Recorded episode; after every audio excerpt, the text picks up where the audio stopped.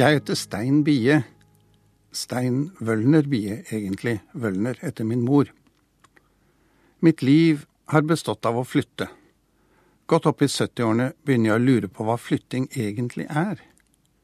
Er det tilfeldige reiser mellom steder på jorden organisert av flyttebyråer, eller er det min urolige sjel som stadig tar meg med på leting etter noe jeg kanskje ikke selv vet?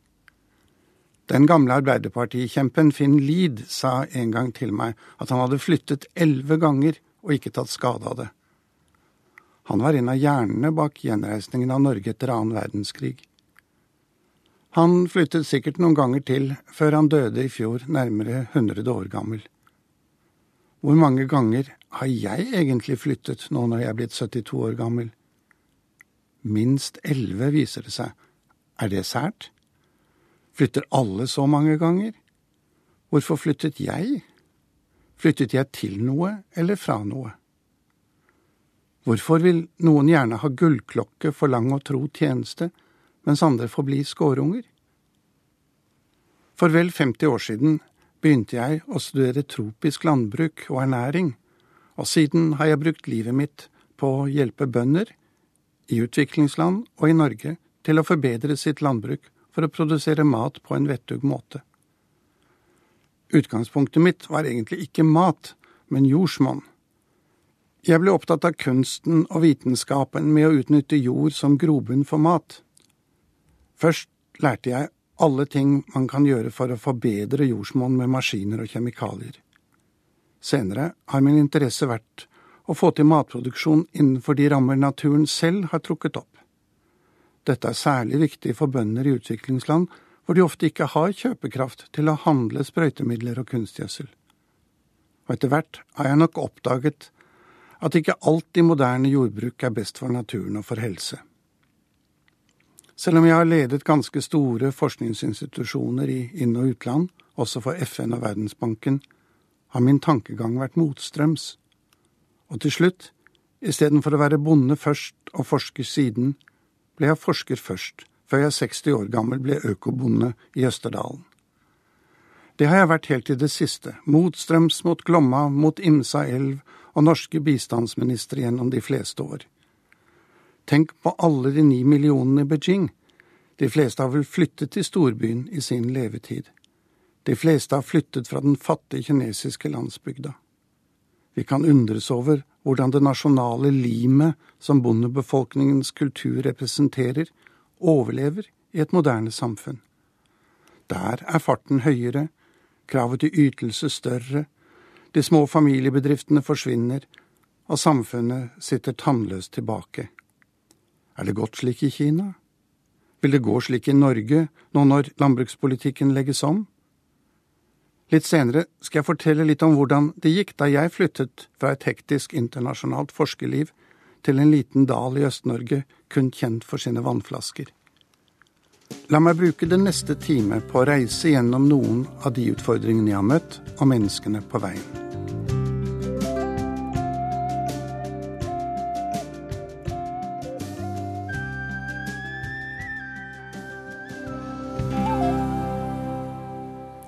Finn Lied flyttet mer enn elleve ganger, men han flyttet ikke så veldig langt. To av de viktigste personer i Norge det 20. århundret flyttet lengre. De to innvandrerne til Norge, Carl Fredriksen og Farouk al-Qasim, ble på hver sin måte nøkkelpersoner for det moderne Norge. Danske Carl var kongen, Håkon den syvende, som sa nei og dannet grunnlaget for frihetskampen fra 1940 til 1945. Farouk al-Kazim, var den irakiske innvandreren som spilte hovedrollen da Norge fant oljen og klokt kunne forvalte rikdommen. Friheten og velstanden i vårt Norge ble sikret gjennom to innvandrere. Jeg gremmes hver eneste dag over at Norge har så mange navlebeskuende nordmenn og kvinner i valgmanntallet, og at våre stortingsrepresentanter stadig utsteder uforklarlige instrukser for politifolkene som skal vokte Norges grenser mot alle som er annerledes. Jeg sto en februarkveld og ventet på kveldstoget fra Hamar. Min kone gjennom alle år og alle reiser skulle komme fra Oslo. Det nå ubetjente stoppestedet på Rørosbanen hadde bare én lyspære. Der sto tre unge menn og grøsset i minus 25 grader og vinden blåsende nedover Glomma. De skulle videre nordover. God kveld, sa en av dem på godt engelsk. Er det ulv her? Det bekreftet jeg gjerne, jeg synes det er fint å bo i Ulve-Norge, men jeg var misunnelig over ikke å ha sett ulven selv. Ja, sa han, for da vi kom over broen fra asylmottaket, kom det en stor, bustete hund mot oss. Vi er fra det tidligere Jugoslavia, og der har vi sett ulv. Kan det ha vært en ulv? De var nokså bekymret der under den ene lyspæren, så jeg sa jo da, eh, det kan ha vært en ulv, men det er ingenting å være redd for, ingen nordmann er drept av ulv de siste 200 år. Ja, men, sa den finttalende unge mannen, på ingen måte beroliget, vi er ikke norske, vi er asylsøkere.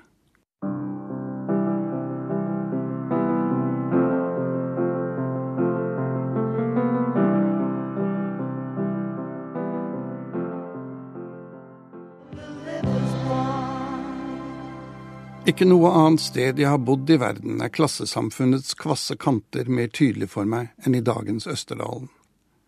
Men samtidig er det historiske samarbeid mellom fattigdom og rikdom her i dalen ikke blitt illustrert tydeligere enn i livshistorien til Anne Evenstad. Hun var tjenestejenta Anne Kjølhammeren som i 1842 kom fra lutfattige kår ved Attenosen ved Glomma til storgården Evenstad en dagsreise lenger sør i dalen. Hun ble husholderske for storbånden Ole Evenstad, sønnen til eidsvollsmannen, og ble gravid, utenfor ekteskap, med odelssønnen. Hun mistet sine kjære, men gjennom et særdeles klokt testamente skrevet av hennes aldrende nesten-svigerfar, arvet hun en av de største og rikeste gårdene i hele Innlands-Norge. Med reisen fra Atnosen til Evenstad flyttet Anne Kjølhammeren seg fra husmannsplassens fattigdom til storgårdens rikdom. Anne Evenstad gjorde en klassereise så lang at vi kan undres at det var mulig for en enslig mor å oppnå den status som i vårt lutheranske land ble tilnærmet Østerdalens helgen. I syngespillet om Anne Evenstad fra 2012 har folkesangeren og geitebonden Ellen Marie Tangen fra Solja øverst i Attendalen, ved Rondane, satt en folketone fra denne dalen til min egen tekst om Annes rolle som opplyst velgjører for den nye tid som førte Østerdalen inn i det moderne Norge. Hun var en mesen, selv uten utdannelse, med et sterkt blikk for forskningens betydning for fremskrittet. Jeg vil gjerne at dere lytter til Ellen Marie og tenker på våre akk så få moderne velgjørere som Trond Moen, den nylig avdøde norsk-amerikaneren Fred Kavli, og enkelte andre velbeslåtte som høyst aktverdig har gitt av formuen sin til kunst og kultur. Jeg vil plante dem frø i framtidsgave, som kan hjelpe til mot tarm og mot isli. Egentlig drømte vel jeg, som mange andre som på en måte tilhørte Kennedy-generasjonen, at jeg kunne forandre verden. Det at min foreldregenerasjon hadde brakt meg helskinnet til verden og gjennom annen verdenskrig og utrettelig gjenoppbygget Norge, var for meg en enestående inspirasjon. Jeg trodde på det gode mennesket og på Nobels fredsprisvinner Albert Schweitzers krav til de som hadde fått mye, og gjøre mye. I årene etter kolonitiden har kanskje en del av hans ideer om ærefrykt for livet og legemisjonsstasjonen i Lambarene i Kongorepublikken, trukket til seg skeptiske kommentarer om hvordan utviklingshjelp ikke skal gjøres i en ny tid. For meg var han den store inspirator, selv om jeg nok har utforsket helt andre veier til saligheten enn det Sveitser hadde i tankene. Jeg ble levende opptatt av kampen mot apartheid i Sør-Afrika, var med i gymnasiast- og studentgruppene som samlet inn midler til Nelson Mandelas ANC, og støtten til utdannelse til dem som måtte flykte. Avdøde lege Cato Aall og senere presten Trond Bakkevik var for meg visjonære.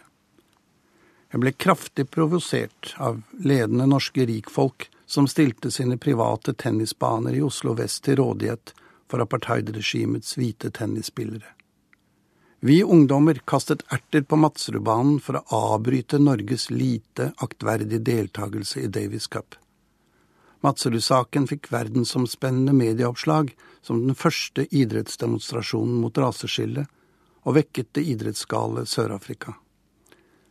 Ikke siden ungkommunistene slapp hvite mus løs i Folketeatret i Oslo under religiøs vekkelse for moralsk opprustning, med forutsigbar panikk hos en del av tilhørerne, har en slik fredelig, ikke-voldelig demonstrasjon vært mer effektiv. At politiet så red inn på den røde tennisgrusbanen med sine stolte hester, var selve toppen av kransekaken som virkelig umuliggjorde videre spill på Masserud. Jeg trodde på det gode i politiet, og at de ikke hadde forstand på tennis. Iallfall ikke i begynnelsen av 1960-årene. Tiden er kommet til å lytte til det som ble et samlingspunkt for oss som trodde at vi aldri skulle få oppleve et fritt Sør-Afrika med Nelson Mandela som president.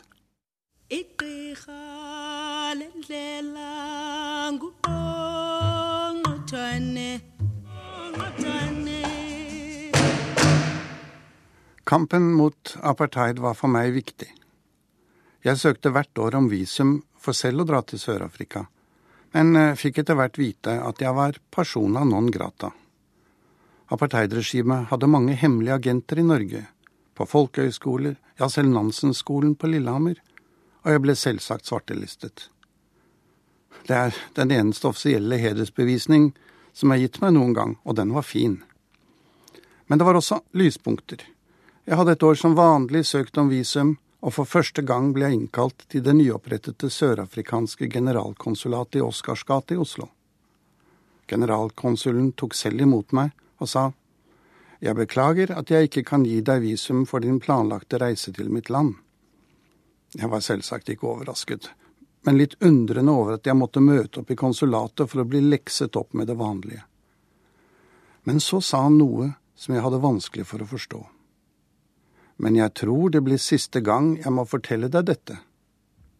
I all verden, tenkte jeg, skal de spede diplomatiske forbindelser mellom Norge og Sør-Afrika brytes? Eller er generalkonsulen dødssyk? Eller har han kjørt i fylla med CD-bil og blitt kalt hjem? Han vendte seg om og gikk inn på sitt kontor, sa ikke mer. Noen få måneder etterpå sivet nyhetene ut om samtalen mellom Mandela og de Klerk, og så forsto jeg at raseskillepolitikken var på vei til historiens skraphaug. Invitasjonen senere til møte med president Mandela, som jeg og mange av de nordiske støttespillerne for anti-apartheid-bevegelsen fikk, kunne jeg ikke bruke. Jeg satt i møte i Verdensbanken om internasjonal landbruksforskning. En riktig faglig prioritering, men en tung avgjørelse for meg. Senere har jeg kunnet reise flere ganger dit, men en anerkjennelse for min interesse for et fritt Sør-Afrika blir symbolsk nok uttrykt av en hvit immigrasjonsoffiser på flyplassen i Johannesburg første gang jeg landet. Han tittet på skjermen sin, leste han litt, og så sa han Velkommen, herr Bie. Endelig. Det hadde vært en tidkrevende reise for oss begge, og lengst for ham. Long walk to freedom.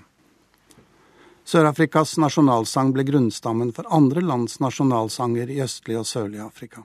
Nkosi sikelele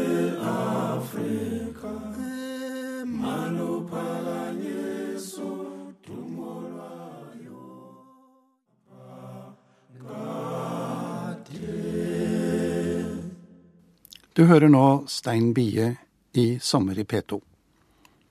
Som landbruksforsker, opprinnelig utdannet i England, vokste jeg opp i skyggen av den grønne revolusjonen Gjennom avansert planteforedling hadde norsk-amerikaneren Norman Bårlaug ledet arbeidet med å få frem mye høyere avlinger fra viktige kornsorter som ris, mais og hvete.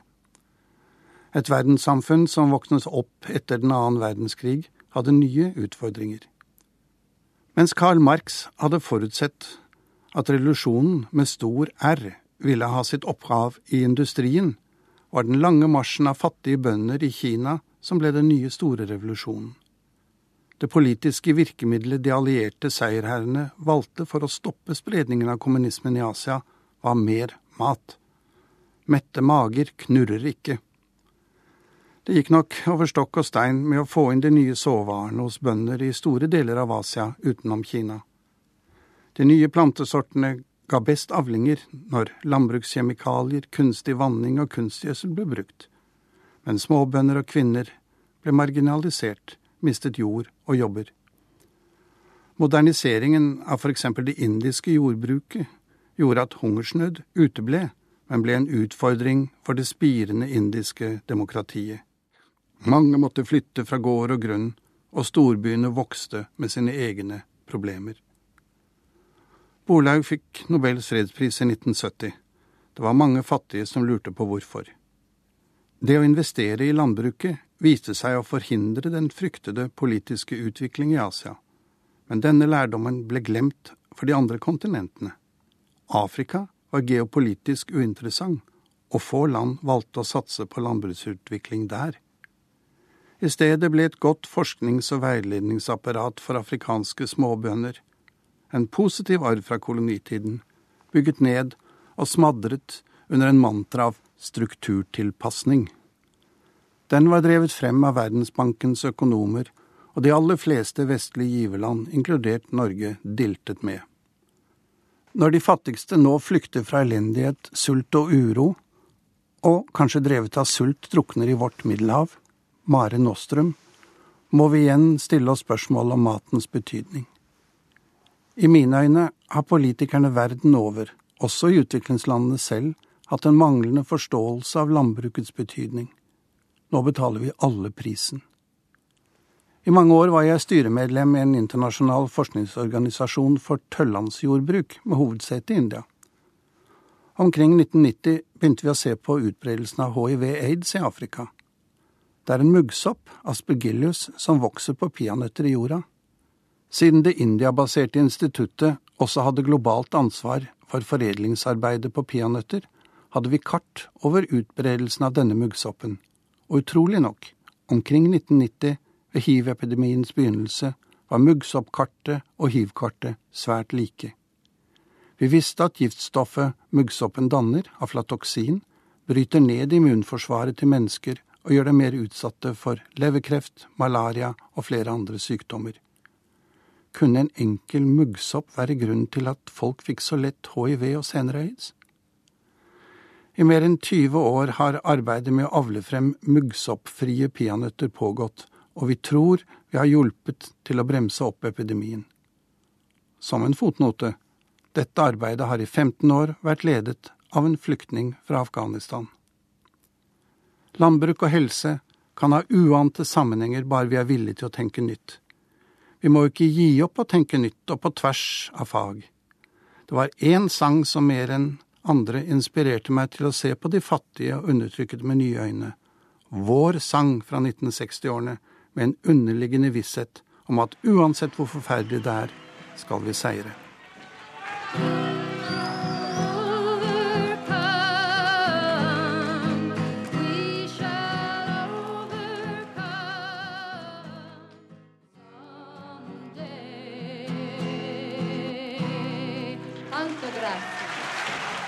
I mange år arbeidet jeg med internasjonal landbruksutvikling. Jeg oppdaget hullene i mine kunnskaper fra Oxford og Cambridge i møte med småbønder og husdyrfolk i fattige land. I Rødehavsfjellene nord i Sudan, på grensen til den nubiske ørkenen, ville jeg bevise at det å plante 15 durrafrø i hvert hull, slik bejaene gjør, var agronomisk uklokt. Småplantene ville jo konkurrere om lys, vann og næringsstoffer, og ingen ville gi avling. Så laget jeg et stort, statistisk forfinet eksperiment med én, to, tre, opptil 15 frø i hvert hull, et stykke fra Sinkat i Rødalsfjellene. Så kom innhøstingsdagen. Ingen steder med mindre enn tolv frø per hull bar avling, slik som Pejan hadde forutsagt. Det var en viktig brist i min tankegang. Jeg hadde ikke lært i Oxford at når sandstormene kommer, og en plante har mange om seg for å kunne overleve. De 14 blir ofret for at den 15. skal kunne gi avling. Jeg lærte også mye om geiter i Afrika, den lærnemme og litt ustyrlige fattigdomskua. Så da mitt internasjonale liv var over, kjøpte jeg en liten gård med seter i Østerdalen, like under Rondane. Med skyggene av den grønne revolusjonen i bakhodet gjorde jeg gården om til økologisk drift.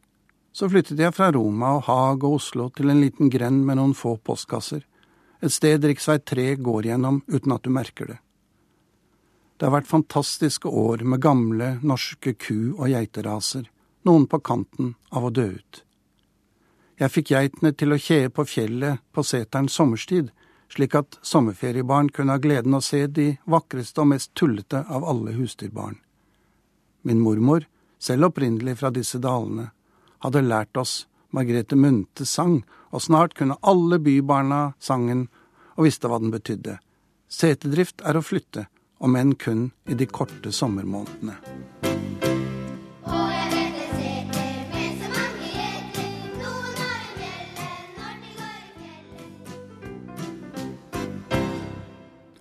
Det å ha blitt geitebonde ga meg nye fordeler når jeg fra tid til annen dro ut for norske myndigheter eller FN og utviklingsbankene. Før var jeg jo mest akademisk, og bønder tok meg sånn passelig alvorlig, men nå kunne jeg også prate geitespråk.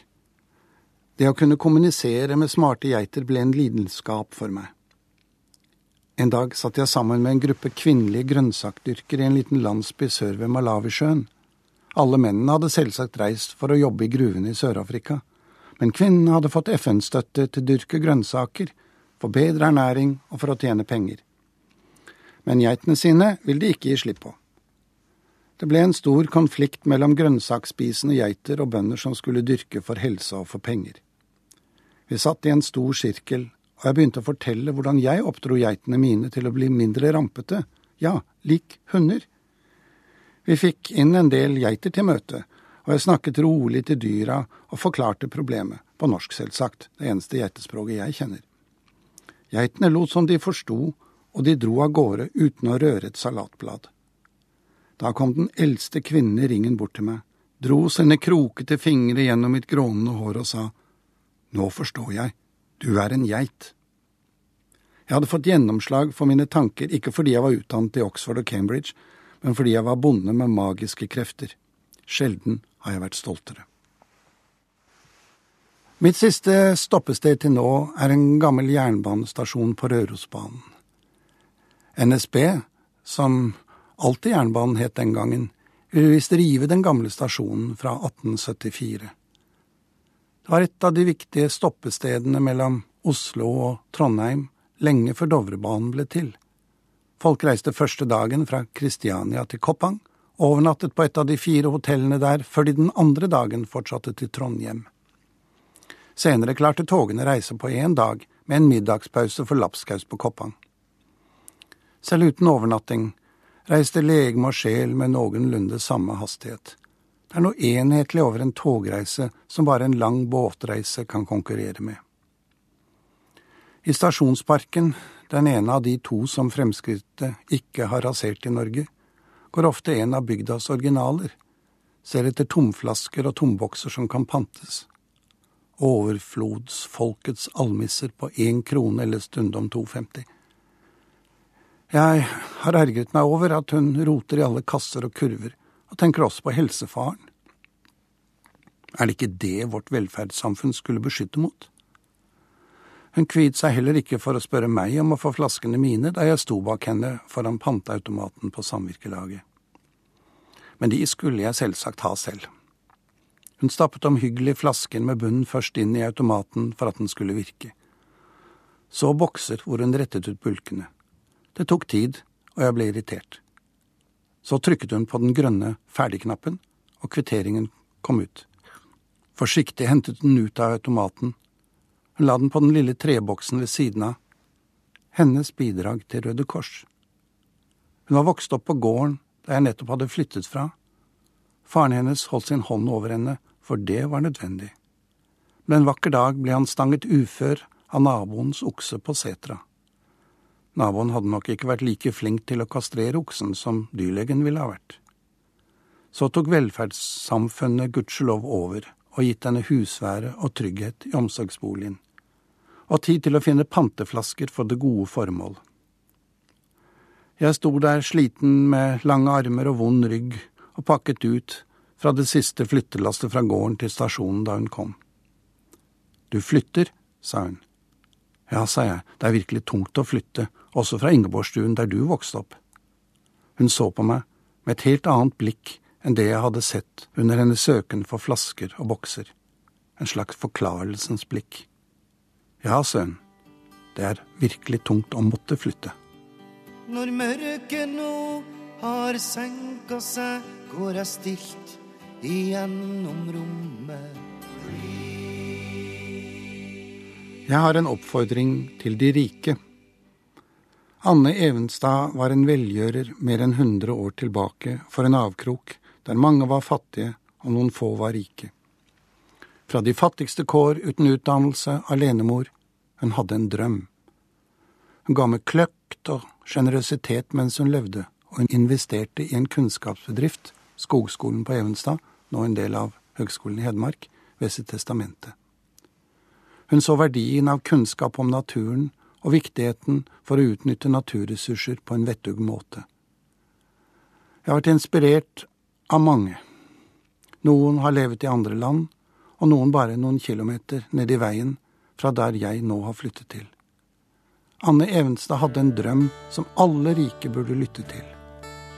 Her synger Marita Grøtan Hegstad avslutningssangen fra syngespillet om hennes liv. Jeg hadde en drøm. Jeg hadde en drøm. En ny virkelighet. Til slutt. Den reisen som kanskje i grunnen har gjort mest inntrykk på meg, var svenske Harry Martinssons lange dikt om Anjara, romskipet som dro fra en forgiftet jord for å finne lykken et annet sted i verdensrommet, men kom ut av kurs og styrte inn i evighetens tidløse galaktiske tomrom. Anjara kom ut i 1956, bidro til Martinssons nobelpris i litteratur og ble til opera i 1959. Både diktet og operaen, tonesatt av Carl Birger Blomdal med teksten tilrettelagt av Erik Lindegren, var en dramatisk fremskrivning av menneskehetens selvskapte endelikt. Jeg så operaen på Folketeatret i Oslo som tenåring. Det var en skjellsettende opplevelse som tilførte meg tanker om atombombene, forurensningene, datamaskinens overtagelse av tanken når menneskene svikter, og usikkerheten om hva tiden egentlig er. Stephen Hawking hadde jo ennå ikke skrevet A Brief History of Time, eller Univers uten grenser, som ble hetende på norsk. I rammeverket om hva fremtiden bringer, er Anjara et foruroligende varsko om menneskenes dårskap. Så kanskje må vi huske på at Barbapappa og Barbamamma tok med seg Barbabarna og alle dyrene til en grønn planet langt der ute, til de med det enøyde teleskopet kunne se at jorden var blitt frisk igjen, og de kunne vende tilbake. Nå når folk er begynt å bestille billetter for enveisreiser til Mars, la oss håpe mer på Barba enn på Anjara.